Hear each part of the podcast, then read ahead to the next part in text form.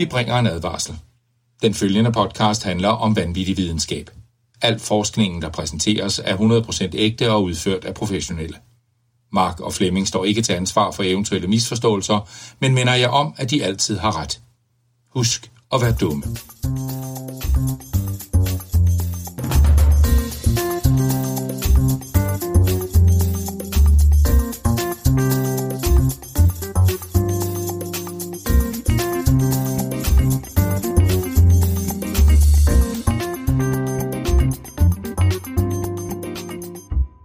Alle sammen, og hjerteligt velkommen til Videnskabeligt Udfordret. Din bro til vanvittig videnskab.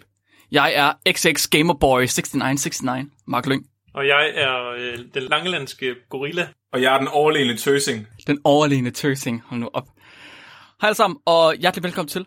I dag der sidder vi øh, og har en gæst med. Vi har simpelthen taget vores øh, episke gamerkonsulent med, Henry. Ja, som vi nu kalder Goddag, mig. Henry. Henry, du er vores gamerkonsulent. Ja, undskyld. Det var ikke bare en undskyldning for at få Misor med på podcasten igen. nej, nej, nej, nej, nej, overhovedet ikke. Hen- Henry, han er, han er ekspert i gaming og ved meget mere om gaming, end vi gør. Så derfor så har vi taget Henry med til vores øh, episke gamer-afsnit. Henry, kan du, ikke, øh, kan du ikke lige kort fortælle lidt om dig selv? Hvad, øh, hvad laver du til daglig, og øh, hvor bor du henne, og hvor kender du Flemming fra? Hvad er dit CPR-nummer? Hvad er dit forhold til? Jamen, øh, jeg er uddannet tømmer. Og så øh, Flemmings søster. hey, hey, Sådan. Sådan. Lige på hårdt. nu, nu begynder jeg at fortryde. kan vi ikke finde en anden gamingkonsulent? Nej, jeg synes, det her det fungerer meget godt. Det er som om, at der er masser af gaming i det allerede. Ja. Det kan jeg mærke. Det er fordi mig og Henry, vi spiller computer et par Mm. gange om ugen. Hvad spiller I? Vi spiller Satisfactory lige nu. Lige nu. Satisfactory? Ja. Ah, ja, ja, okay, okay. Er I gode til det? Ja, Vi blev så gode til Apex Legends, at vi var nødt til at stoppe med at spille ja vi bliver nødt til at stoppe med at spille. Flemming han blev alt for stresset over, at vi vandt så mange gange. Ja. Nej, det kan jeg godt se. Hold kæft, mand. Så blev vi nødt til at finde noget, der var mere roligt, som vi kunne afslappe lidt mere. Så Flemming ikke bliver så stresset over at vinde. Ja. Og at være så god til noget. Jeg kunne, jeg kunne ikke sove bagefter, når vi havde spillet Apex, fordi jeg synes, det var så stressende. Hold kæft, mand. det er mega fedt. Jamen, øh, velkommen til alle sammen. Som sagt, så skal vi tale om gaming i dag, fordi det nye sort, det er e-sport, e-sport og det er gaming generelt. Det er fandme fedt, og alle vil have del i kagen. Også os. Det skal vi også have vores fingre dybt ned og grave i. Mm. Så i dag, der dykker vi ned i den forskning, der er lavet om gaming og om spil. Og øh, Flemming, i den forbindelse kunne jeg godt tænke mig at høre, hvad skal du snakke om? Ja, men jeg skal jo tale om old school gaming. Jeg skal, Old jeg, school jeg skal gaming. simpelthen tale om Magic the Gathering. Nej, jeg troede, det var Pokémon-kort. Nej, undskyld. det, det håber jeg ikke, der er nogen Magic-fans, der hørte det der. Undskyld. Så til dem derude, der ikke ved, hvad Magic the Gathering er, så er det det originale kortspil. Så det er fra 1993, og det er egentlig alle andre ko- samlekortspil, der kom efter det. Som Pokémon mm. og Digimon og sådan noget, er egentlig bare Magic-kloner. Mm-hmm. Hvis man spørger en rigtig Magic-fan. Ja. Og det er egentlig øh, sådan... Jeg vil sige, det er det oprindelige øh, nørdespil, før øh, computerspil virkelig blev en ting. Og det er stadigvæk okay. sindssygt populært. Det er Tobias, der har sendt den artikel ind, og den handler om, at de simpelthen har lavet en Turing-computer ud af et Magic-spil. Så, Det- så Magic Hvad? the Gathering Ja. er så kompliceret, at hvis du spiller på en bestemt måde med nogle bestemte kort, så kan du simpelthen bygge en funktionel computer på spilbrættet. Ej, det passer ikke. Mens din spiller bare sidder, øh, altså modstanderne sidder og træt af, at du bare sidder og jerker over, for han ikke kan gøre noget. Det er vanvittigt. Det, det, glæder mig, det glæder mig meget til at høre, men jeg glæder også til at høre om, hvad det, altså, hvad det betyder. Det, Hvad betyder det? Altså, kan man, hvad kan man med det? Kan jeg, kan, jeg, kan jeg lave databehandling på den? Altså, kan jeg lave noget sejt? Kan jeg spille, kan jeg spille spil på Magic? altså, det er Det, sygt kompliceret, og jeg har virkelig brugt lang tid på at forstå den der fucking artikel. Så nu har jeg sørget for, at Henry har nogle gode jokes med, til at det ikke bliver alt for kedeligt at høre på alt det tekniske.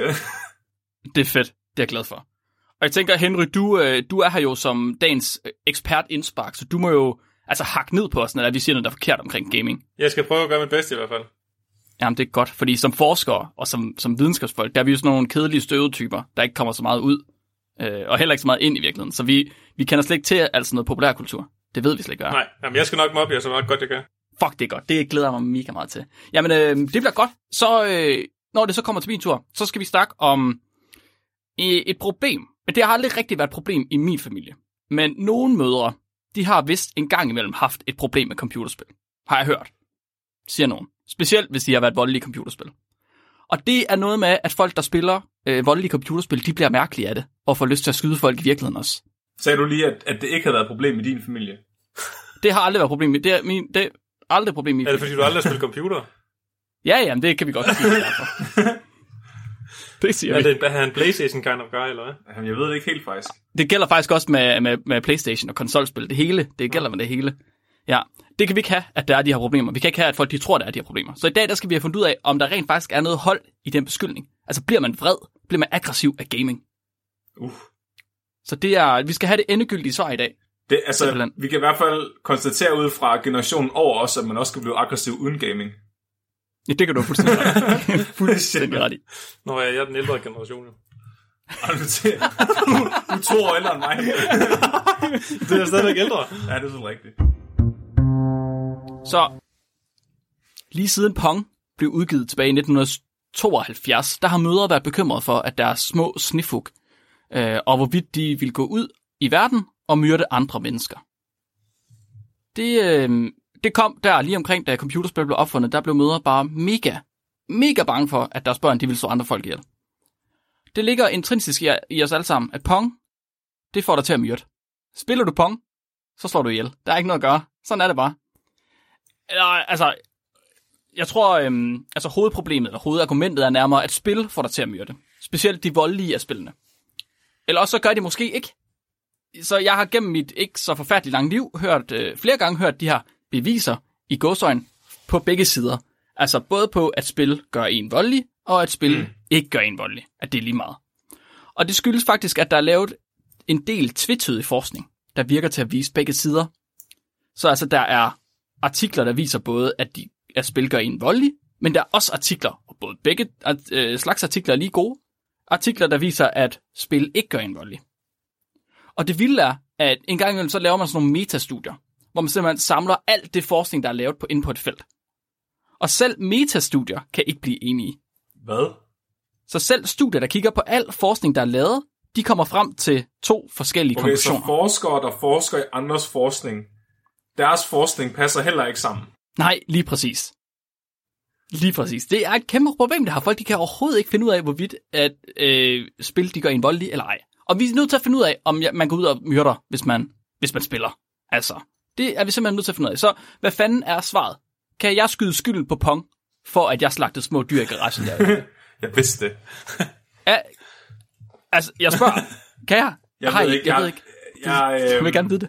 jeg vil skyde skylden på dyrene. Ja, Ja, ikke også? Det gør vi i forvejen. Ikke også? ja det er dyrenes det- skyld. Den det er der altså ko, den kunne bare lade være skyld. med at smage så godt. Altså, ja. Jeg skød du den her. ja, jeg vil skøtte den. Din ko.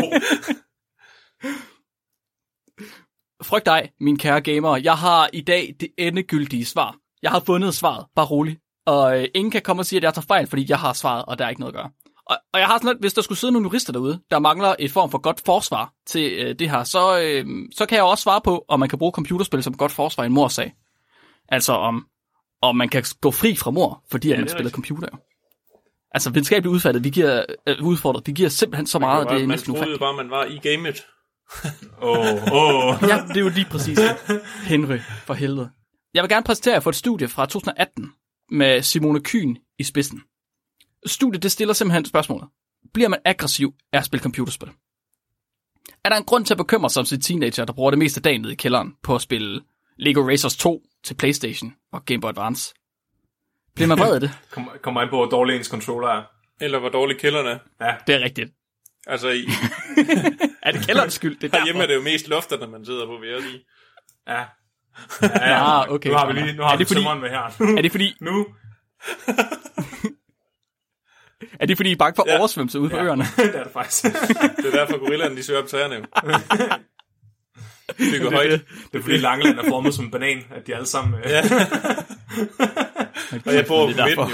jo. Så bare på. Jeg havde, jeg havde kun 6, nej, jeg havde halvanden kilometer til vandet den ene side, og så, hvad fanden var det så til den anden side? 10, to, nej, 11 kilometer den anden side. Det var på det bredeste punkt på Langeland, ikke? Jo, men Ja. jeg boede så midt i, så det må så være øh, 6 på den ene side, og så 1 på den anden. Ah, okay. Perfekt. Meget smukt. Men spørg, hun spørger ikke bare, om man bliver vred. Hun spørger også, om man bliver asocial. Bliver man mere impulsiv? impulsiv? Bliver man mere humørsvingende? Du har lige beskrevet Flemming. er Flemming evidens for, at man bliver det her gaming?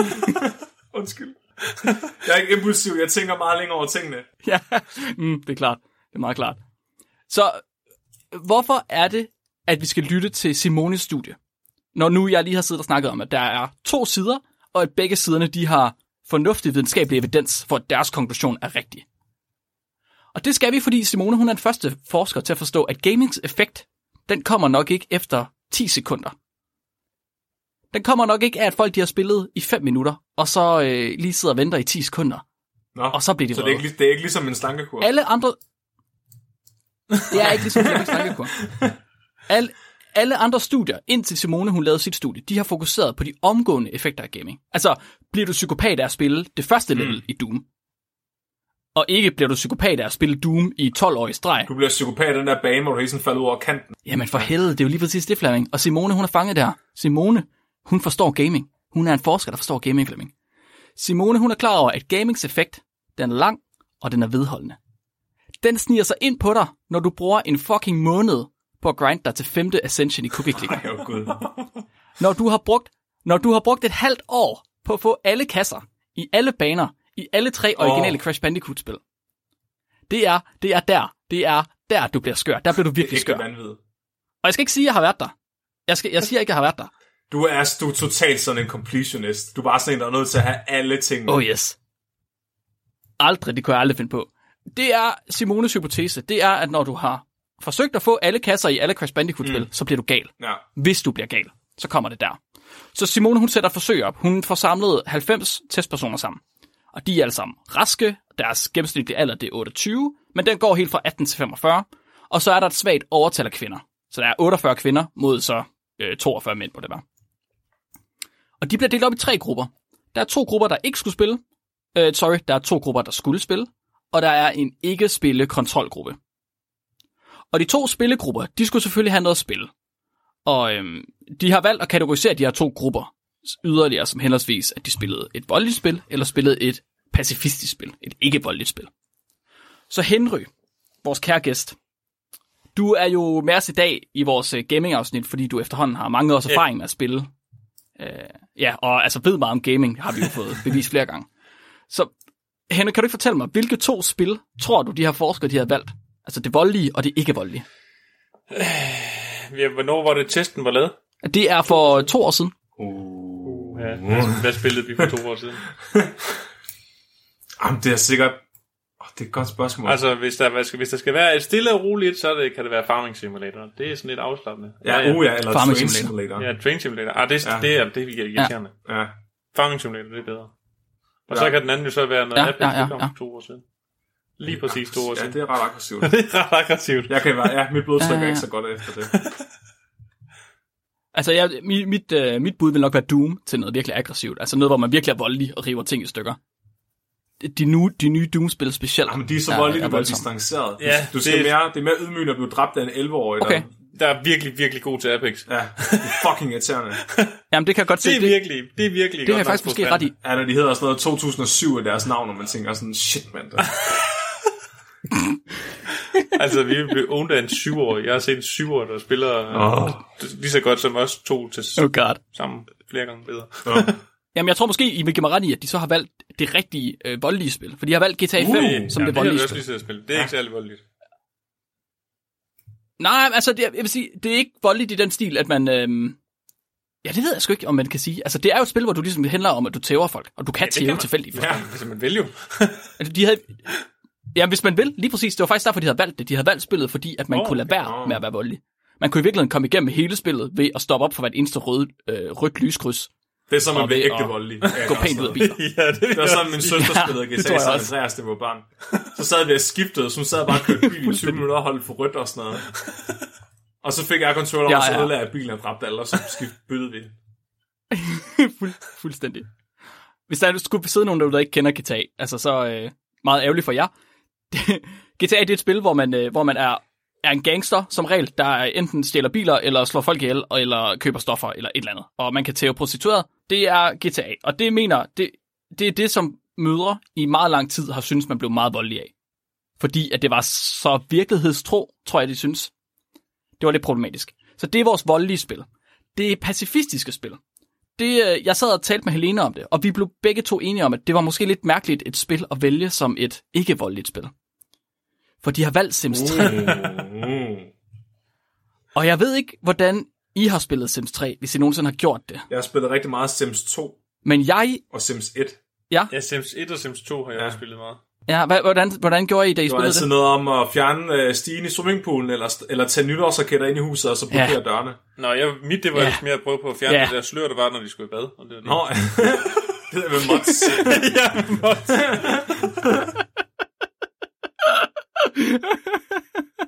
Så Sims, som jo i virkeligheden burde være et spil, hvor der handler om, at man får en eller anden tilfældig virtuel person til at få et job og tjene en masse penge, det handler jo nok for de fleste i stedet om, at man får de rigtige personer til at bolle, og så får man dem ned i en swimmingpool, og så fjerner man øh, stigen, og så får man dem til at bolle med døden, når døden så kommer.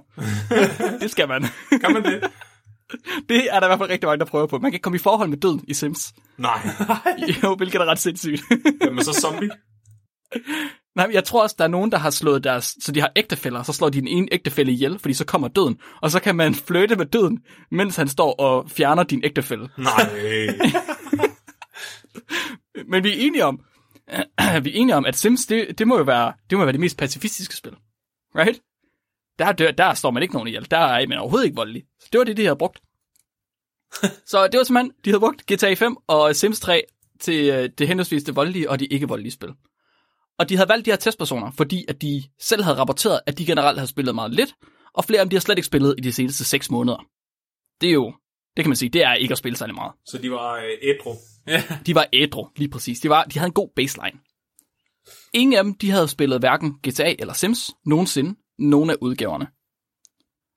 Nu skulle de her spillere så igennem en hardcore træningsperiode. Fuldstændig vanvittig træningsperiode. Deres skærmtid, den røg fra 0 til 9 for speed, hurtigere end du kan trykke på NOS-knappen. De fik nemlig, de fik en PS3, en PlayStation 3 med hjem i 2018. Og så skulle de simpelthen til at begynde at spille minimum 30 minutter hver dag i to måneder. Det var, øh, det var ikke så meget. Det, det er jo, Flemming, det er jo et fuldstændig vanvittigt mængde af spil, som de her spillere, de skulle spille, for at man kunne se, hvordan effekten af spil den er, når man spiller rigtig, rigtig meget. Hvordan fanden har de fået fat i så mange gamle Playstation? Ja, det er nogle ret Ja, gamle det synes jeg også er virkelig, virkelig. Det tænker jeg da lidt, jeg først tænker, vi har været fremme i femmer nu, er ikke det? det er fuldstændig sindssygt, mand. Hvorfor lige ja, Playstation 3? Jamen, jeg tror, at det var det, de havde. Hvor- Jeg Kan du overhovedet det spille GTA 5 på det? Det troede jeg heller ikke, det jeg men det kan man ikke. så åbenbart. Nå. At øh, GTA 5 er jo også sindssygt gammel efterhånden. Er det er faktisk... Ja. Ja.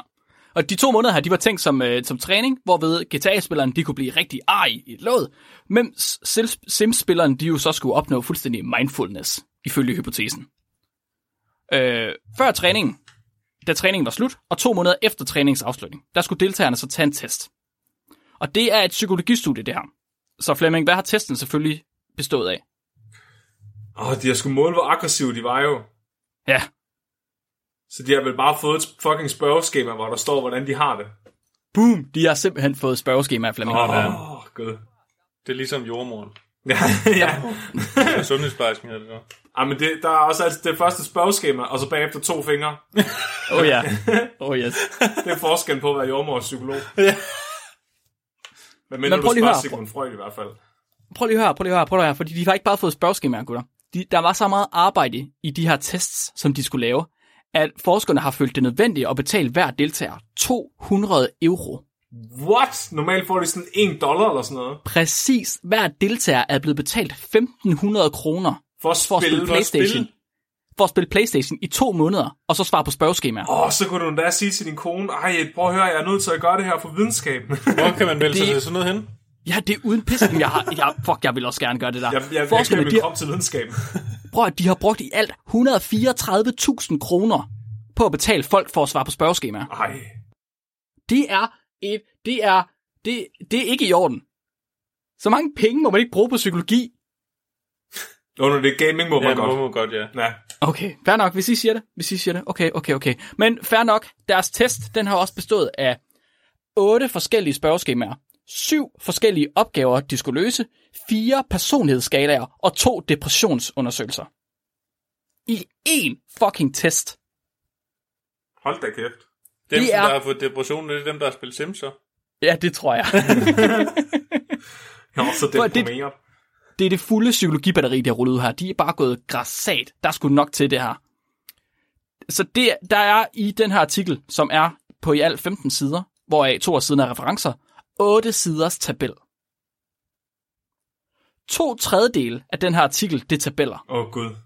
Det er så fuldstændig langt ude af proportioner. Jeg har aldrig nogensinde set noget lignende.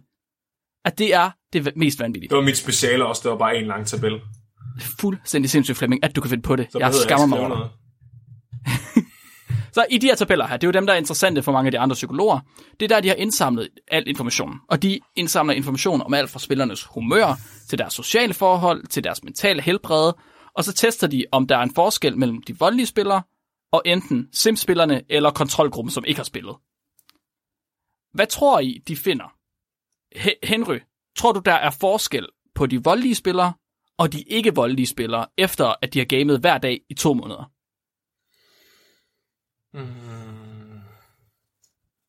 Det, det kan man, har de selv kunne få lov til at vælge, hvad for en spil de har fået, eller har de bare fået en, et, en hvad kan man sige, trukken en seddel, og så sagt, at det er det spil, de skal spille? Ja, de har fået en seddel og, og ikke anet, hvad det var, de skulle spille.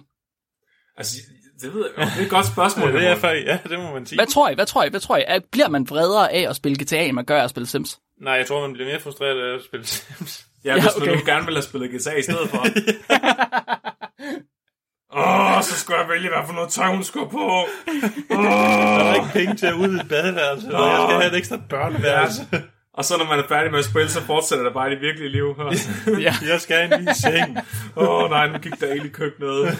ja. Og så i GTA, der kan det bare rende og... Oh, Ja, det er afst- det jeg, er tror, jeg afstressende. tror altså, det er mere afstressende. Ja. Så jeg tror altså, dem, Og som spil- der, jeg tror, dem, der har spillet Sims, de er mere stresset, end dem, som der har spillet GTA. Ja, du kan bare hoppe Okay. ind i en bil i GTA. Åh, hvad synes du om mig nu, mor? Okay, okay, okay. Så I, t- I tænker, der er forskel på de to grupper, men ikke efter den hypotese, som der er blevet sat til med? nej, modsat. Godt. Super. Uh, jeg kan fortælle, at der var signifikant forskel mellem de voldelige spillere og så de to andre grupper, altså de ikke voldelige og kontrolgruppen, Ja. på otte forskellige parametre. Men halvdelen af de signifikante resultater, de fortalte, at de voldelige spillere var mere voldelige, og den anden halvdel sagde det modsatte. Åh, oh, gud. Ja. Um, og det skyldes, Flemming, ved du, hvad det skyldes? Hvad det skyldes? De har haft, de har haft 52 forskellige parametre, de har målt på. Åh, oh, gud. Ja, 52 forskellige parametre, de har målt på. Så har de sat de her 52 parametre op imod hinanden, og testet, om der er forskel på dem. Men i to forskellige situationer. Så de har alt lavet 200 tests. Så hvorfor? Kan du se, hvorfor, Henrik? Øh, nej, det kan jeg faktisk ikke. Åh, oh, ja, Flemming, det er simpelthen som en bioinformatiker, så burde det her ligge der så tungt. Fordi det er jo fordi, at de har, de har selvfølgelig, deres p-værdier, de skal jo justeres. Flemming. Åh oh, nej, har de lavet p-hacking? Nej, de har ikke lavet p-hacking, de har faktisk gjort det rigtigt. De har faktisk gjort det rigtigt, fordi når, nu får I en lille statistik alle sammen. I ved, hvor meget jeg elsker statistik. Når man tester på den her måde, så går man jo efter at kunne sige, at der er under en vis sandsynlighed for, at der er forskel på de to grupper ved en tilfældighed. Man vil gerne være sikker på, at der er forskel på dem. Man vil gerne have, at det ikke er en tilfældighed. Så de her forskere og de fleste andre, de arbejder med, at der må være 5% sandsynlighed for, at de er signifikante ved en tilfældighed. Og det betyder, at 5% af testene vil være signifikante ved en tilfældighed. Altså man vil simpelthen få signifikante resultater ved en tilfældighed. Ja, ja. Så fordi, Right? I 5% fordi, af tilfældene. fordi de spørger så mange mennesker om så mange ting, så vil tilfældigheden gøre, at der er nogle af dem, der svarer det rigtige. Eller det, de, Præcis. Ja, altså det er faktisk, fordi de har så mange parametre. Så Simone, hun har lavet 200 tests. 5% af 200, det er 10. Øh, Så Simone, hun kan forvente, at de voldelige spillere, de skiller sig ud fra de passive spillere på 10 forskellige parametre. Bare ved tilfældighed. Så det er, ligesom, det er ligesom ham der, der går i byen, og så lægger an på alle damerne i byen. Ja. Så er der en, der går med ham hjem, men det betyder ikke, at han er pæn. Nej, lige præcis, Flemming. Det er lige præcis det. Det, det er bare fordi... betyder bare, at, han, at statistisk set, så øh, var der chancen 1 til 100. Ja, for at han fik, ved en tilfældighed fik nogen med Ja. hjem. Ja, lige præcis. Lige præcis. Så der, ved tilfældighed skulle de have fundet 10 parametre. Altså hvis alt var 100% tilfældigt, skulle de have fundet 10 parametre, der var forskellige. Okay. forskellige. De fandt 8. Så de har fundet færre parametre, de forskellige på, end de burde ved en tilfældighed. Og det er jo i virkeligheden perfekt, faktisk. Det er jo faktisk lige præcis det, man forventer. Og man kan jo så korrigere det her på en masse forskellige måder, og det har Simone også gjort. Hun er en god forsker, hun har gjort alt det, man skal. Øh, på alle måder endda. Og efter at have korrigeret for at have testet rigtig mange gange, så er der ikke længere nogen forskel mellem voldelige spillere og passive spillere. Hmm. Overhovedet. Der er simpelthen ingen forskel på, om du spiller GTA hver dag i to måneder, eller om du spiller Sims hver dag i to måneder. Men man spørger sig selv, er der så forskel på, om man spiller, eller om man ikke spiller? Uh. Ja, Og jeg vil ønske, at jeg kunne fortælle jer, at man blev gal af at spille, men det gør man bare ikke. Det er helt okay at spille. Alle må gerne spille. Der er ingen forskel på folk, der spiller og folk, der ikke spiller. Så go fucking nuts. Man bliver ikke, man bliver hverken mere voldelig, mindre social, mere deprimeret, eller får ringere kognition af at spille GTA frem for Sims. Spil for satan alt det, I kan. Det er ikke derfor, at Flemming han er mærkelig. Jo. Ja, Så kan jeg det er ked af at fortælle dig, Flemming. Så man kan ikke bruge gaming som et, øh, som et forsvar ved en domstol, kan jeg fortælle jer. Simpelthen, fordi der er ikke nogen forskel. Nej, I skal bare sige, at I gik i søvn. Ja, bare sige, at I gik i søvn i stedet, for det er meget bedre. Ja. Og du spillede så bare de forkerte spil, Flemming, som, du ikke, som, der, som der har gjort, at du ikke kan gå professionelt med det i dag. Ja, ja. Jeg skulle spille Call of Duty, eller, eller øh, Counter-Strike, eller sådan noget. Sindssygt, mand. Okay, nu skal jeg holde tungen lige i munden. Så, Magic the Gathering er måske det mest komplekse spil, som mennesker spiller, ifølge den her artikel. Og øh, artiklen den hedder egentlig bare, øh, Magic the Gathering is Turing Complete. Og det vil sige, mm-hmm. at øh, de har lavet en test for det første for at se, om de kunne forudse udfaldet af et Magic-spil. Altså, hvor forudsigeligt er det? og så har de prøvet at lave en Turing-computer ud af spillet i sig selv. Og det forvirrer mig sindssygt meget, fordi det er skrevet ind i den samme artikel, og de differentierer ikke rigtig imellem, hvornår de taler om de to forskellige ting. Okay. Og hvis du går ind på nettet og prøver at google det, så er der nogen, der læser den ene halvdel af artiklen og skriver, forskere har fundet ud af, at det her er det mest komplicerede spil, der findes, og så refererer de til den her artikel. Og så er der andre, der laver den omvendt og siger, at de har bygget en computer ud af spillet og refererer til artiklen igen. Men det gjorde Men begge dele. efter, der, de har gjort begge dele Okay. og det hele er flædet sammen. Så nu skal jeg gøre mit bedste for at forklare, hvordan de har gjort det, og hvorfor. Ja. Så for det første, så er det et uh, kortspil, der er lavet af Wizards of the Coast. Det er også dem, der laver Dungeons and Dragons, faktisk. Og øhm, Magic the Gathering har eksisteret siden 1993. Og det bliver stadigvæk spillet af sygt mange, fordi det er åbenbart et rigtig godt spil. De har formået at lave over 20.000 forskellige Magic-kort Hvad? til dags dato. 20.000 kort? Det vil sige, hvis du samler dem i en stak, så vil den være 10 meter høj. Ej, hvad? Du kan ikke spille, Jo. du kan ikke spille spil med så mange forskellige kort. Hvordan kan du reglerne? det forstår jeg, Jeg ikke. ved, altså... Nej. Nej, laver dem bare selv. Ja. men det er også en helt videnskab, altså Magic øh, generelt. Altså, der er, virkelig, der er en virkelig stor kultur omkring det. Okay. Både folk, der samler på kortene, øh, fordi at de synes... Altså, der er alle mulige forskellige kunstnere, der har lavet tegningerne til kortene, så nogle kort er mere værd, fordi det er nogle pænere billeder, der er lavet på dem. Så er der nogle kort, der bare er fuldstændig sindssygt racistiske, og så er de populære, fordi de er blevet ulovlige, og nogle kort er bare pisse sjældne. Så for eksempel det mest sjældne Magic-kort, eller det mest eftertragtede, det er det, der hedder Black Lotus. Og Black Lotus er mere end 200.000 danske kroner værd. Stop nu. Stop nu. Det er alt for mange penge for et fucking kort. Altså, er, Det er- glimter det, eller hvad? Nej, Der er ingen glimmer på. det er, nej, og det er ikke engang, et, altså det er ikke engang sådan en sejt, altså monster, ligesom Pokémon. Altså, hvad- Det er bare en blomst. Jeg forst- Det er bare en sort blomst. Nej, det er pa- hvad, hvad får man for en shiny eller en øh, glimmer øh, Charizard? Oh, det er et godt spørgsmål. Det kommer an på, om den er first generation, Mark. Jamen, det er rigtigt, men jeg tror ikke, det er 200.000. Nej, jeg tror, det er sted... Altså, jeg har set den gå i Danmark, så sådan mellem 2 og 6.000 kroner, alt efter hvor krøllet det Det er også alt for mange penge. Det er alt for mange penge for et kort. Ja, det er, og det er sindssygt, fordi altså, øh, øh, inden for den her Magic øh, community, der er der faktisk folk, der investerer i Magic-kort, fordi de er så mange penge værd, nogle af dem. Så det, de gør, det er, at de simpelthen opkøber en hel palle af Magic-kort, når de udkommer, og så har de dem bare stående. Og så spekulerer de simpelthen i Magic-kort, fordi så kan de sælge boosterpakkerne om 10 år, og så er de, så er de blevet meget mere værd, tror man. Der er så rigtig mange, der finder ud af, at det ikke er tilfældet, at det er sådan lidt ligesom Magic, altså Pokémon-kort, at det egentlig kun er den første udgave, der er noget værd. Okay. Så ja, Som- det er, ja, ja, ja. øh, ja, det er en helt, det er en helt sindssyg kultur. Men det, vi skal fokusere på i dag, det er egentlig selve spillet. Fordi nogle forskere, de stiller det sindssyge spørgsmål, kan vi bygge en computer ud af et Magic-spil? Ja. ja. Og, og så det er ikke bare, om de kan bygge en computer ud af kortene. Så, så Men- de mener, så de mener, altså der, man sidder to spillere foran hinanden, når man spiller Magic. Jeg, jeg kan ikke reglerne ordentligt. Jeg har prøvet at forstå det ved at sidde og se YouTube-videoer. Jeg, har, jeg kender også folk, der spiller det, men jeg fatter det stadig Du var ellers lige en type, der godt kunne spille det. Tak. Det, det, tager... det var, jeg sidder, jeg ser og leger fornærmet foran min Warhammer-figur. Jeg havde en, ikke for at afbryde, men, nej, øh, nej. men så gør jeg så alligevel. Ja. Jeg havde i 7. klasse, der var der en af mine kammerater, der begyndte at interessere sig for det. Og jeg kan ikke huske, hvor mange kort han havde. Det var fuldstændig vanvittigt. Og de, de var to på hele skolen, der kunne finde ud af at spille det dengang. Oh shit, mand. Så det, og der var kun to, der samlede på det. Altså, der kunne Ja. ja. godt være, der var nogle i smug, der samlede på det også, men, øh, men der var i hvert fald nogen, eller de to, de samlede på det. Oh, de har sikkert haft nogle storesøstre, der kunne hjælpe dem eller et eller andet. Altså, Øh, bliver det ikke kedeligt, når man på et tidspunkt... Altså, hvis man kun er to på hele skolen, der kan spille sammen, så på et tidspunkt har man spillet sammen så meget, at man ved, hvordan man spiller. Ja. Right? Er det så ikke... Ja, vil så man ikke gerne man have... bare sine egne regler.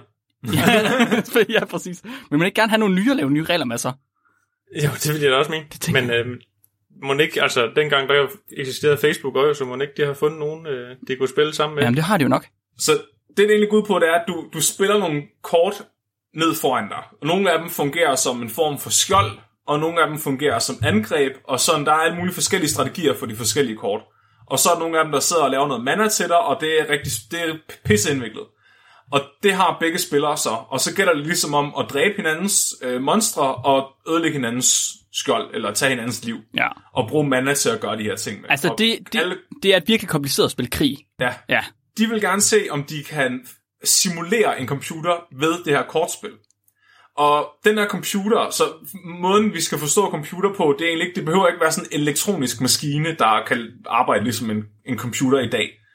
En computer er egentlig bare øhm, noget, som kan udføre en, en kompleks opgave på en bestemt måde. Så, så det vil sige, hvis den får det her ind, så spytter den altid det her ud. Så ligesom en lommeregner, hvis du trykker 2 plus 2, så er den altid 4. Det er en, en simpel maskine, der kan ved hjælp af en algoritme finde ud af, hvad den skal gøre med noget information, og lave det op. Okay. Ja. Og den mest simple form for computer, det er en Turing-maskine. Opkaldt efter Turing, som opfandt maskinen, eller sådan konceptet om maskinen. Så det er egentlig en computer, man har tænkt på kunne findes, før computere fandtes. Så det er det helt tilbage i 1930'erne, man fandt på det her. Så en Turing-computer er den mest simple computer, så det er egentlig bare sådan en lille, en lille kasse, som der kan køre en spole igennem. Og den spole står der så noget på. Og så kan kassen så læse det, der står på spolen, og så baseret på det, der står på spolen, så kan den spytte en spole ud den anden ende, hvor svaret står på. Så hvis den får øh, en matematikopgave ind, så spytter den svaret ud på matematikopgaven. Og i teorien, så kan alle, så virker vores computere, vi sidder med nu og gamer på, de virker faktisk bare ligesom virkelig, virkelig komplekse Turing-maskiner. Så, men bortset fra, at vi ikke er interesseret i matematik, vi er interesseret i at spille World of Warcraft. Præcis, ja. men så hvis du klikker et sted hen, så skal den bruge, altså så skal den udregne, hvad der skal til for, at din character går derhen. Mm-hmm. Altså, og hvordan den skal bevæge sig, alle de her ting. Så det var en hel masse Koder. Ja, en hel masse koder. Og de her Turing-maskiner, de vil så også læse, altså de vil ikke læse et regnestykke, de vil læse det i binær, så de vil læse det i for eksempel 1 og 0-taller. Sådan en meget simpel information. Ja. Så det vil sige, hvis du skulle lave et regnestykke, for eksempel 2 plus 2 på en Turing-maskine, så skulle det måske være flere hundrede tal langt, for at du ville kunne gøre det. Ja.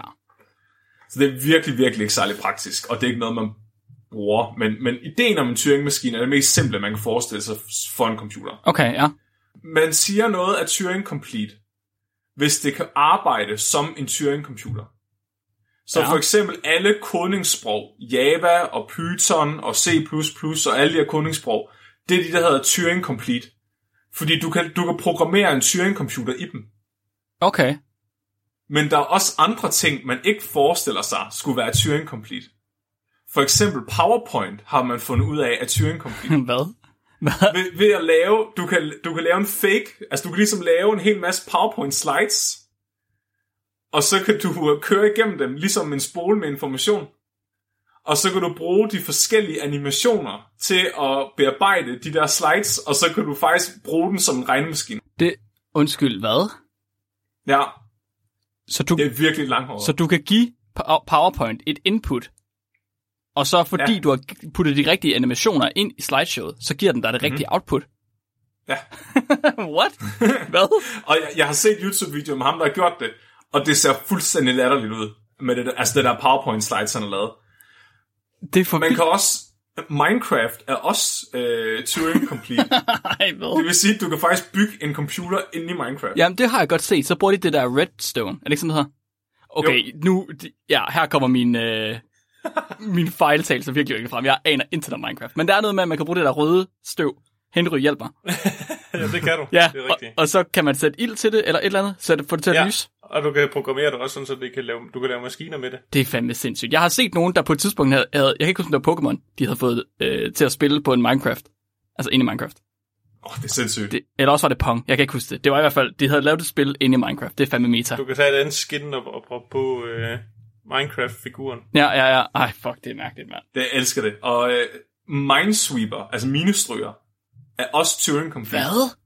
Hvis du spiller med en uendelig stor minestrygerbane. Hvor, hvad? Det forstår jeg slet ikke. Hvad? Nej, det er virkelig langhåret.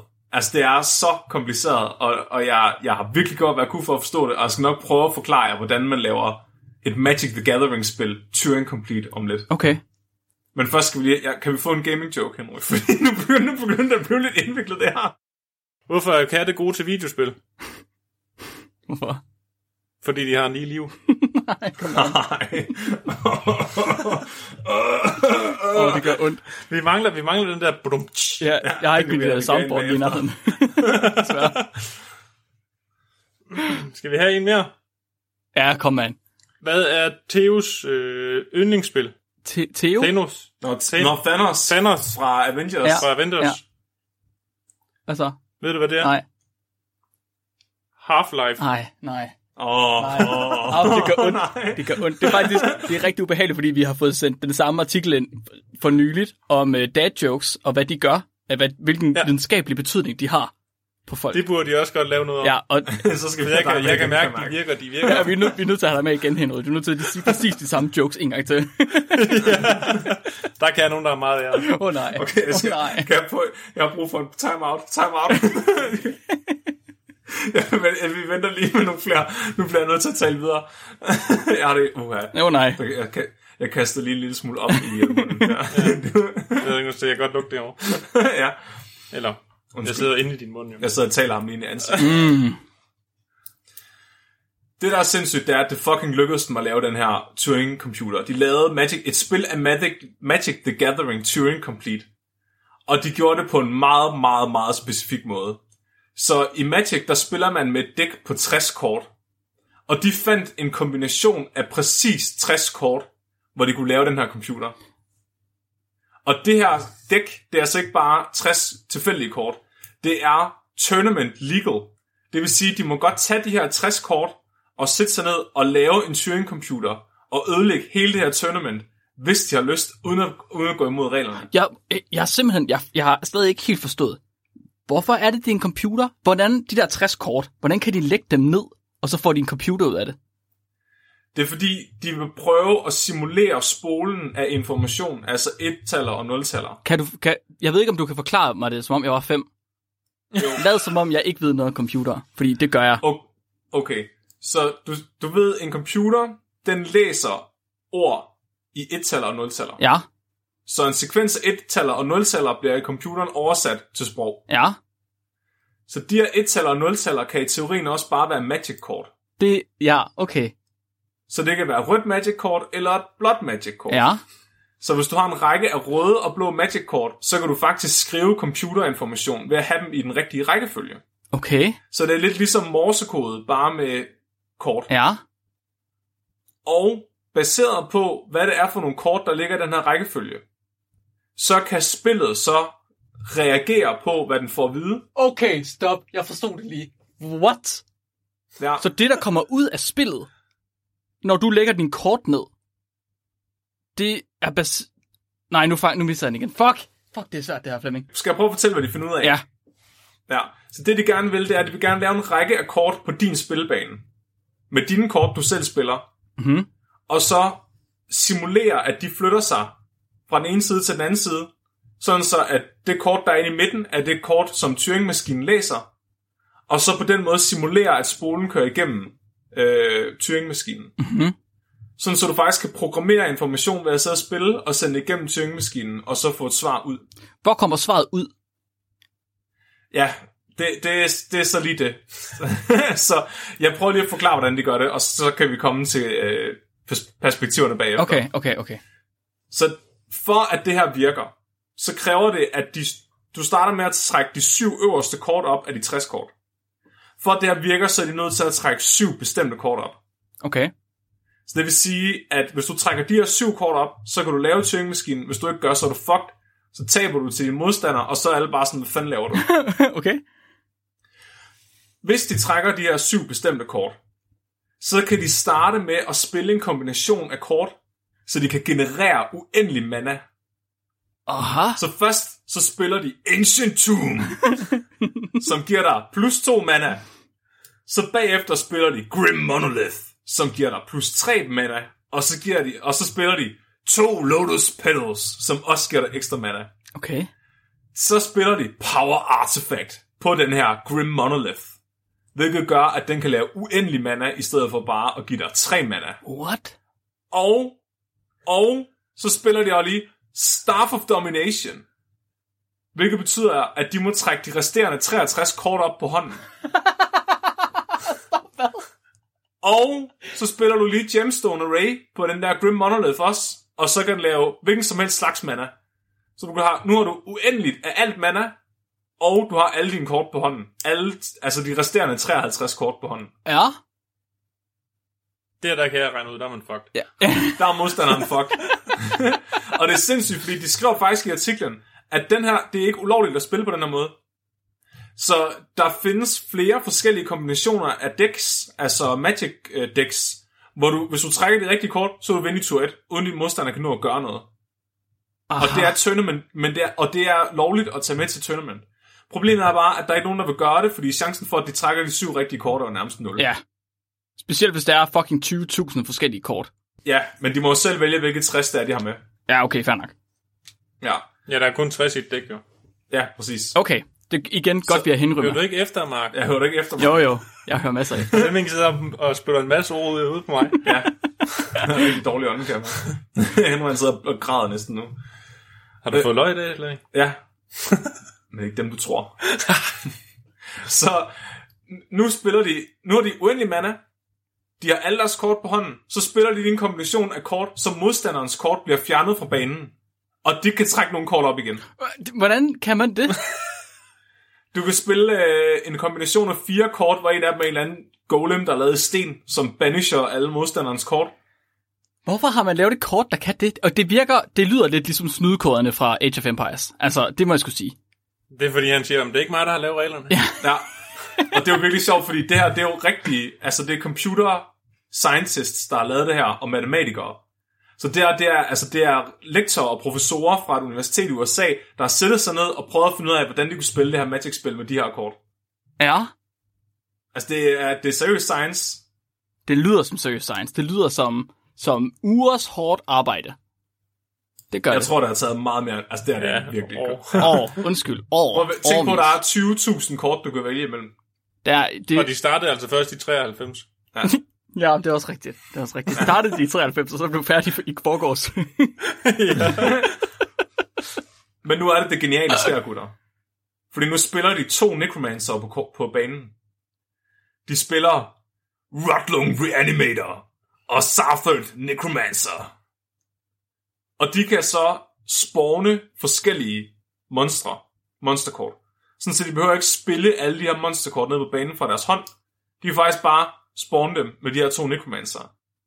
Og de monstre, som Necromancerne spawner, fungerer som spolen til Turing-maskinen. Okay. Og så bruger de den toughness, som kortene har, altså hvor meget skade de kan, altså hvor resilient er de over for skade. Det bruger de som en indikator på, hvor langt væk fra maskinen kortet er. Ja. Så hvis den har toughness 0, så er den ved at blive læst til Turing-maskinen. Hvis den har toughness 1, så ligger den 1 væk, 2, så er den 2 væk, 3 og så videre. Slår de, giver de så deres egen kort skade, eller hvad? Ja, Ah, okay, okay, de okay. kaster en spell på dem, så de ændrer deres toughness. Huh. Og så kan de faktisk rykke Turing-maskinen på den måde. Jeg ser, nu lyder det lidt mere ligesom en for loop, og det, det forstår jeg. Ja, det, et for loop er et eksempel. Ja, det er et, det er et, måske med et if-else statement Okay. vil være et eksempel på en, ja. Ja. Og så farven indikerer, om den er til højre eller venstre for øh, Turing-maskinen. Okay, ja. Og det er simpelthen så, og det er sådan, den fungerer. Og, og det er egentlig der, de stopper.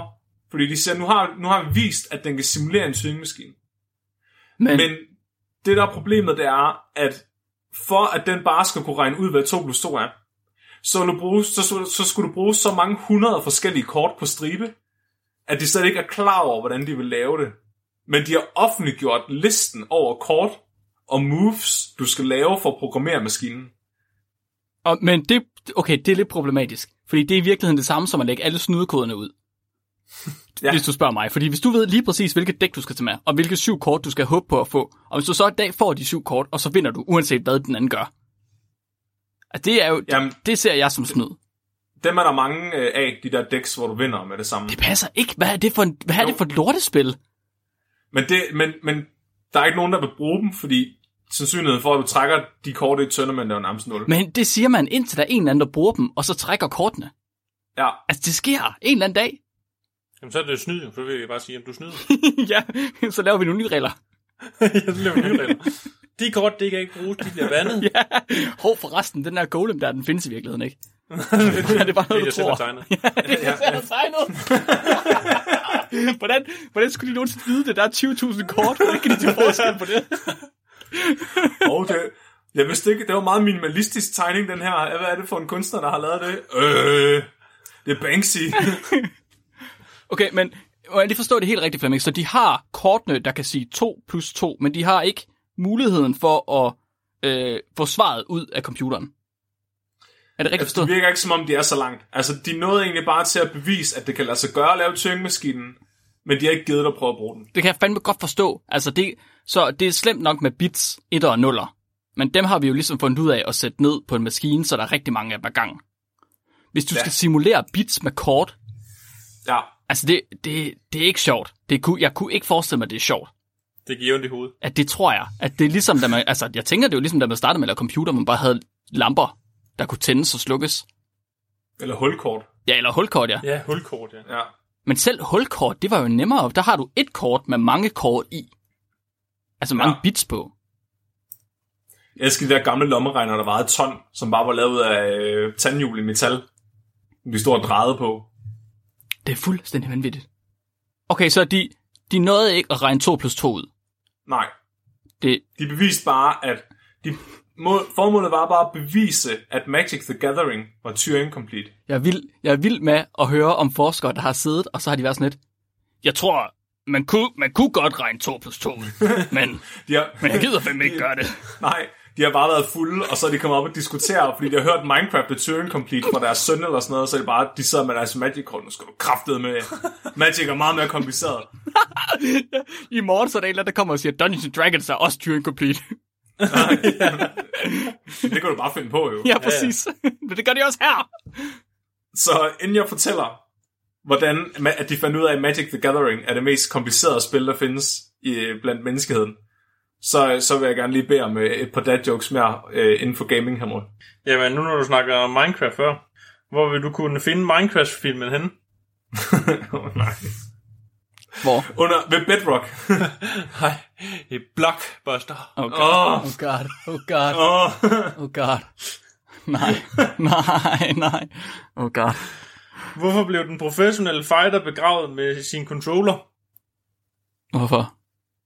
Fordi han var ex-bokser. Nej. Åh. Åh. Det gør ondt. Det gør ondt. Det gør det. Jeg skal, jeg skal, når vi er færdige her, skal jeg lige ud og slå på et eller andet, det kan jeg godt mærke. Ja, skal jeg lige have en til så? Okay. Sidste. Hvad er Marios favorit musical?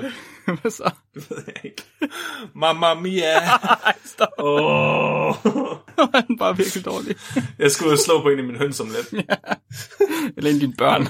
Huha, ej, det kan godt være, at jeg skal slå mine børn i stedet for. Jeg tror, de er bedre kan holde til det. Ja.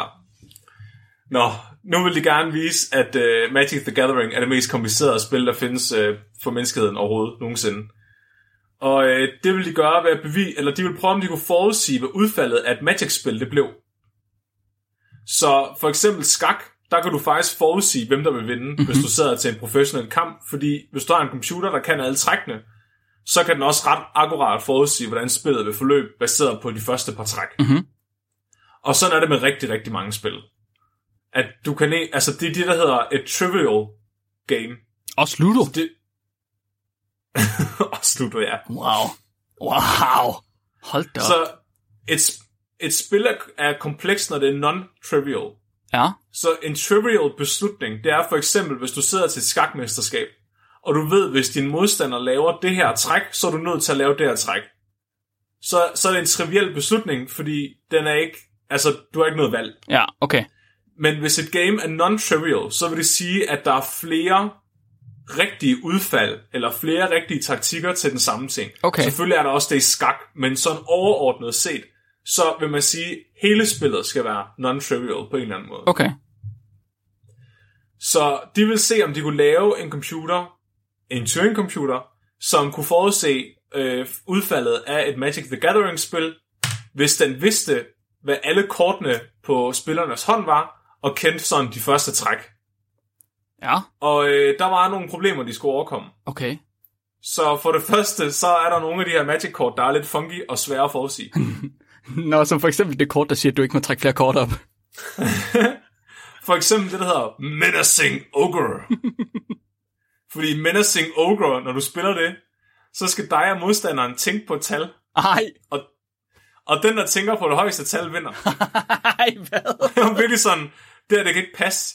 Så jeg var inde på Wizards of the Coasts hjemmeside og læste kortet, og det er fandme det, der står på Ej, det. nu, det, det passer ikke. Prøv at, de har været skide stive, da de skulle finde på halvdelen af de kort der. De har bare siddet, og så har de drukket, altså, så har de spillet SP eller K, og så har K været sådan noget, hvor de skulle finde på et kort. Jeg ved det ikke. Det tror Men jeg. det, det, altså, Er det sådan en begrænsning på, hvor højt de må tænke til alt? det tror jeg nemlig ikke, der er, fordi de siger også, forskerne, forskerne, de siger, det er et problem.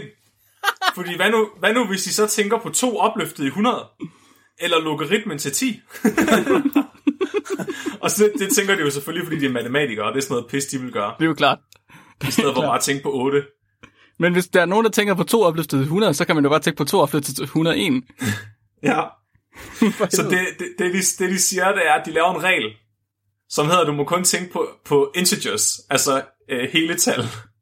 Altså som 1, 2, 3, 4, altså ægte tal, og ikke logaritmer og sådan noget. Men, men, okay, ja, ja, ja, ja. Så er der et andet problem. Og det hedder Kazul, the menacing warlord. For fuck's sake. og det, det er fordi, det er valgfrit, når du spiller det her kort, om du vil bruge hans effekt. Og det kan de her matematikere ikke lide. fordi så er lige pludselig frit valg med i spillet jo. Du kan ikke bare spille et kort, og så vælge, om du vil bruge det. Så der laver de en regel om, at de må kun have skalkort med. Du må ikke have nogen kort med, hvor du får nogle valgmuligheder ved at spille det. Okay. Og så prøver de at konstruere et spil, hvor alle trækkene de mere eller mindre er trivielle, altså øh, at de er tvunget.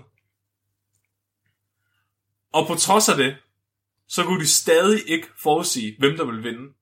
De sagde, at ifølge deres beregninger, så er antallet af korrekte svar, eller korrekte modtræk mod en andens taktik, uendelige.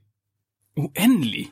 Og det betyder, at du kan ikke med en traditionel computer forstå Magic the Gathering. Det forstår jeg ikke. Okay, der kan, ikke- det kan ikke være uendeligt. Der er 20.000 kort. Jeg forstår ikke, hvordan det kan være uendeligt. Der er så mange forskellige måder, du kan spille dem på, og kombinationer. Men vi er enige om, det er simplificeret at sige, det er uendeligt. Altså, der, der er et tal. Ja, ja, men altså, der er jo ikke noget, der er rigtigt uendeligt, Mark. Der er noget, der er rigtig uendeligt. Er der ikke det? Nej, det er der ikke. Er der ikke det? Nej, nej. Er der ikke Der det? er bare noget, der er så stort, at uh, matematikerne, de gider ikke regne på det. Ja, det er også rigtigt. Det kan jeg godt se. Det var fordi, de Ikke? gad så ikke begynder, de, at- så begynder de at sige, at der er forskellige størrelser af uendelighed, og så ved man bare, at de har fucket op. Ja, det har du faktisk ret i. Der, jeg kan godt ja. se de pointe. Ja, tak. så øh, det var Magic the Gathering. Det viser sig, at øh, det er det mest komplekse spil kendt til menneskeheden, og du kan øh, bygge en computer ud af det, hvis du vil være rigtig træls. Hvis de er præcis- afslutnings, afslutningsvis, så vil jeg gerne lige have en skandale med. Okay. Fordi når du laver 20.000 kort, så laver du også nogle upsere. Nå. Og det er også nogle upsere, der er værre end tænk på det største tal. det, er nogle, øh, det er måske nogle lidt racistiske upsere. Og øh, de fik lidt problemer her sidste år i øh, forbindelse med Black Lives Matter. Okay. Fordi for det første så viste det sig, at en af de kunstnere, som øh, laver øh, illustrationer til nogle af kortene, en øh, kvindelig amerikaner, hun, øh, hun var mere eller mindre øh, nazist. What? Ja. Så hende var de lige nødt til at sige øh, nej tak til, fordi hun begyndte at skrive nogle lidt saftige ting på Twitter. Oh, shit. Så var der nogen, der begyndte at kigge på nogle af de her kort. En af dem hedder Invoke Prejudice. Og det er et kort, hvor billedet af en mand, der iført en Ku Klux Klan ku- kutte med en kæmpe stor henrettelsesøkse. Og når du spiller det kort, så alle andre kort på spilbanen, som ikke har samme farve som dine kort, de Ej. dør. Nej, nej, nej. Nej, nej, nej. Nej. Hvor er det Ja. bare en dårlig idé. Så har de en... Øh, Nej, men selv, selv fra 93, altså det er fandme det var så for- problematisk. hvor- Det er ikke alle kortene, der ikke lavet i 93, er det det? nej, nej, de, Nej, nej, de de bliver er lavet hvert år. Ja, Det hvert bliver- år, ja. ja. Jamen, det er det, jeg mener. Men altså, så det Ja, tidligste ja, ja. kan være fra 93. Ja, selv i Ja. 93 ville det være Det, problematisk. det er, det er Alt fra senere 94, også. det her kort. Oh god. De er faktisk øh, stort set alle sammen fra 94. Alle userne. Ja, i hvert fald de fire første. Der er også en, øh, et monster, som er en cigøjner.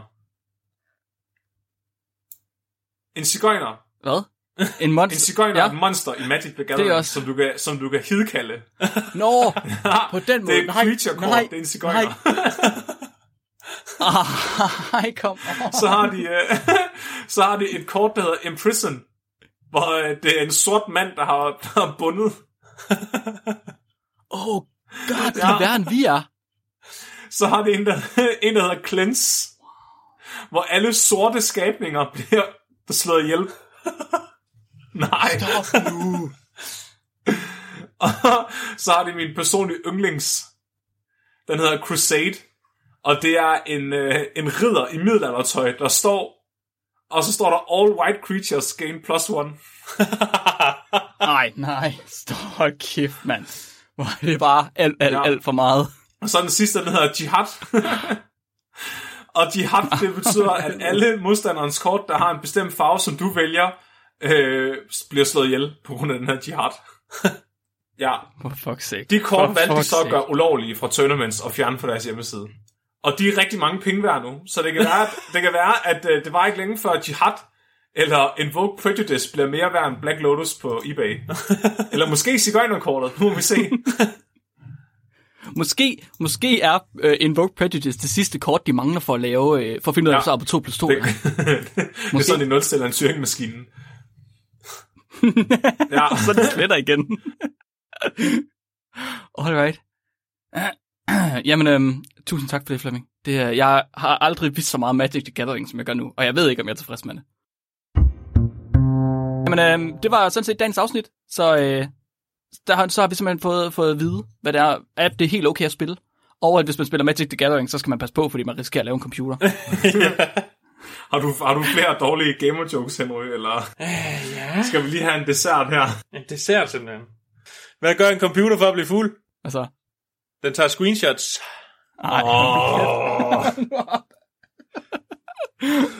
oh god. Hvad er mexicanerens øh, favoritspil? Jeg ved det ikke. Borderlands.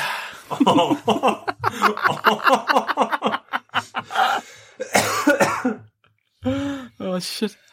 Hvad gør, hvad gør Steve fra øh, Minecraft for at holde sig i form? Altså, han, han sparker for. Han løber rundt om blokken. Åh, ej, nu kæft. For fuck's sake. åh. Og de her, jeg har et øh, lytterspørgsmål, inden vi øh, slutter helt 100% af. Dagens lytterspørgsmål, det er sendt ind af Tejs, som også sidder med os på øh, Discord i dag. Og Tejs han spørger, vil chili påvirke en person, der har mistet smags- og lugtesansen? Uh. Øh, nej, Nej? det tror jeg ikke. Okay.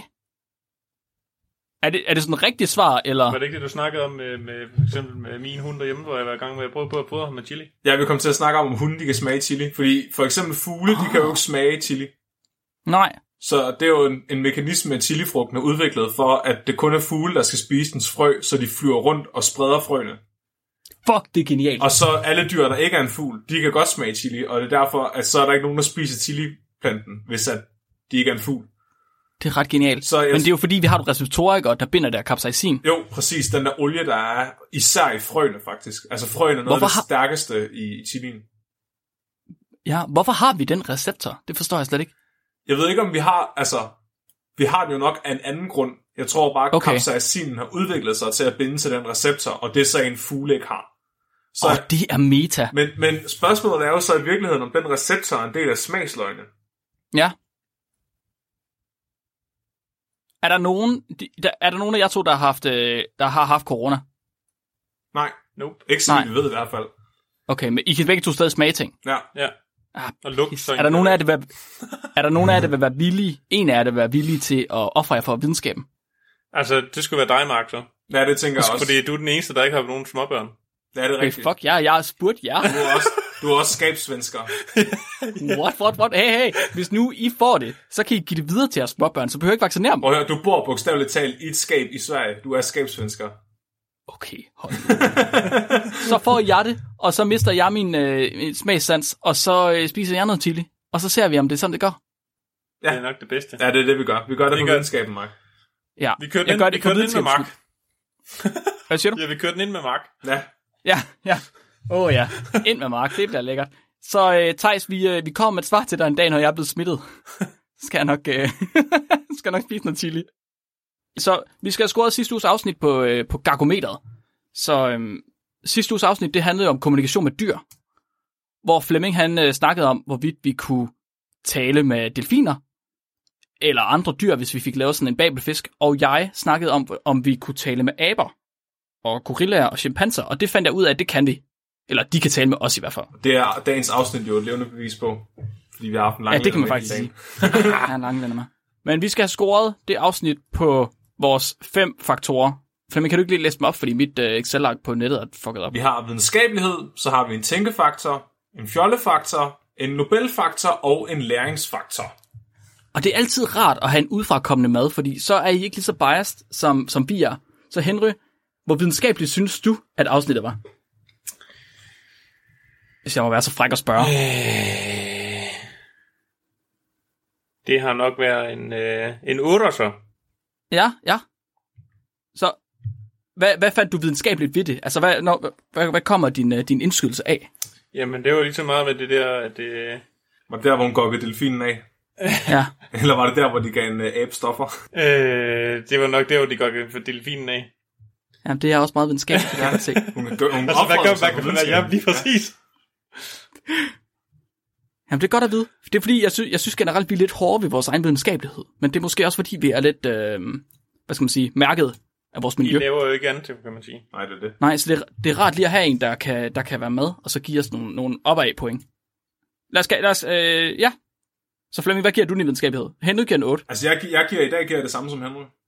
Og det er perfekt. Okay, jeg synes, så er- jeg outlieren. Ja. Fordi øh, for mig, der var det stadig historier. Øh, men der var noget videnskab med os, så jeg giver den 5'er. Ja. Og hvad er det næste faktor? Tænkefaktoren. Hvor meget har vi tænkt over det her? Altså, jeg har tænkt ret meget over det. Jeg synes, det var ret fuck det der med aberne, de kunne snakke til hinanden.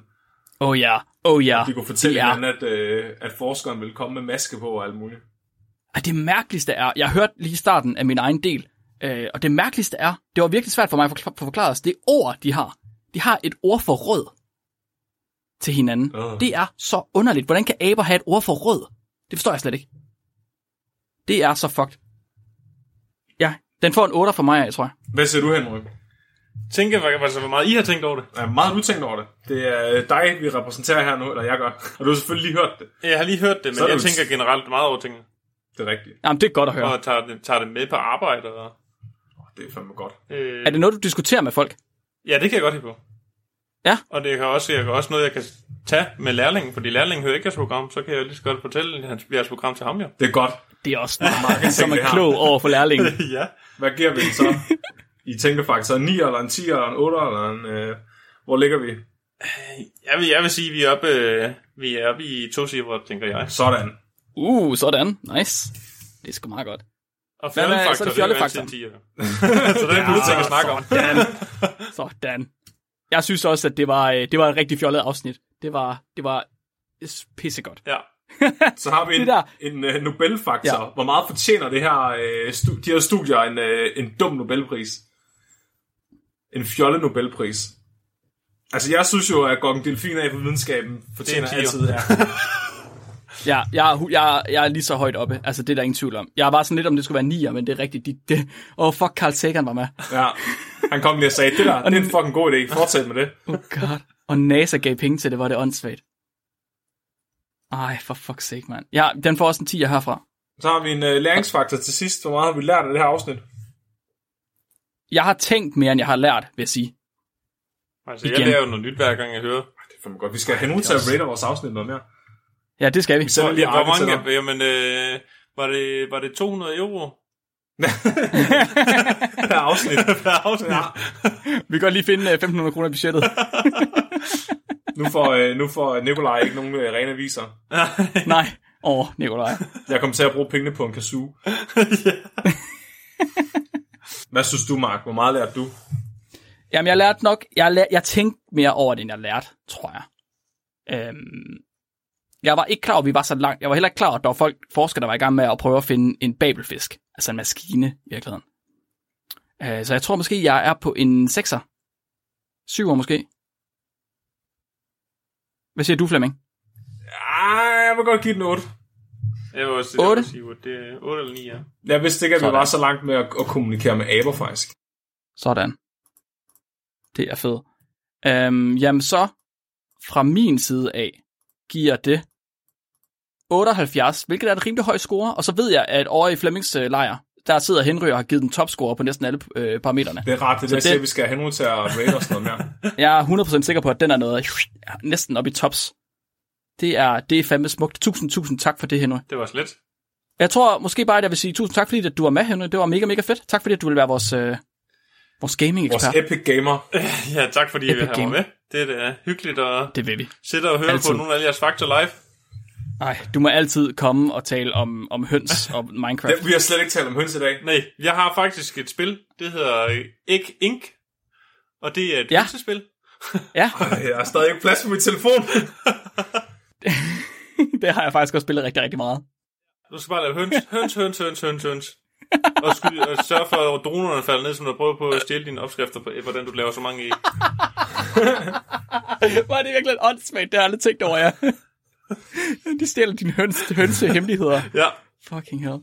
Oh god. og der kan man også Det- forske du- æg og alt muligt mærkeligt, så det er lige et spil for jer. Det er faktisk rigtigt. Ja. Det har du faktisk fuldstændig ret i. Det burde være os, der havde lavet det spil. Ja, det er præcis. Man skulle tro, det var. Man kan fandme lave atomhøns også. Hold kæft. Okay, Åh. nu har jeg, du har solgt mig nu. Nu Ja. sletter jeg alle, Ja. alle billederne af mine børn på min telefon. Alright. Jamen, øh, du må endelig altid komme ind og fortælle mere om høns og om Minecraft. I må sige det, til, vi når vil elske I laver jeres øh, far-jokes dag, så må jeg være med der. Ja, det er i orden. Det er faktisk rigtigt. Cool. I næste uge, der skal vi tale om fordøjelse. Og det skal vi, fordi at jeg fandt en historie, som jeg synes var ualmindeligt forfærdelig. Der var simpelthen en, øh, en læge, der gerne ville finde ud af, hvordan fordøjelsen fungerede. Så, og det fandt han ud af, fordi han var heldig, at der var en mand, der kom ind med et hul i maven. Nej. Jo, og det skal vi høre om i næste uge, så det glæder jeg mig rigtig meget til. Og så skal Flemming også have fundet om fordøjelse, selvfølgelig. det glæder vi os også til. Jeg, jeg, jeg spiser bare et eller andet og ser, hvad der sker med det. Ja, præcis. Er der noget, vi skal, vi skal fortælle folk, at de gerne må gøre? I øh, må gerne gå ind og øh, finde os på Facebook, hvis I vil følge med i, hvad der foregår. Vi har også øh, en fanside, hvor øh, vores øh, fans kan være med og skrive alle mulige ting. Vi tjekker derinde en gang imellem. Hvis vi er helt sikre på, at øh, noget igennem til os, så kan I altid skrive til os på vores øh, mail. V udfordret, sna- eller ja, V udfordret, Jo. snabelag, gmail.com. Hvis I har noget videnskab, eller øh, nogle gode dyrfacts eller andet, så øh, kigger vi på det. De kan også gå ind og finde øh, ud af, hvordan man læser skilte. Hvad? Mark, du ved godt, det er sådan et rundt skilt, hvor der er en aksel på. Ja, Det må du have set, da du tog kørekort. ja. Så står der, hvor meget vægt, Åh, oh, nej. hvor meget vægt der må være på vejen. Ja. Hvad, hvad, hvad kan man mistænke det der, eller hvad kan man misforstå det der T for, når der står for eksempel 3,5 T? Hvad man kan, hvad man kan misforstå, Misforstå, det Prøv at høre, det, det var så meget, fordi jeg måtte holde 3,5 timer der. Det har ikke noget at gøre med, at Max må holde 3,5 ton. Jeg troede, det var parkeringsskilt. Ja, Ja, godt. så nu har, nu har den ligget der, den butik, den har ligget der i to år, og hver gang Flemming han har været i, i har, har Nyborg, så har han sat sin parkeringsskive på, og han må parkere der i tre og en halv time. Det er min yndlingsplads. Der er aldrig nogen, der holder dig, fordi man må ikke holde dig så længe.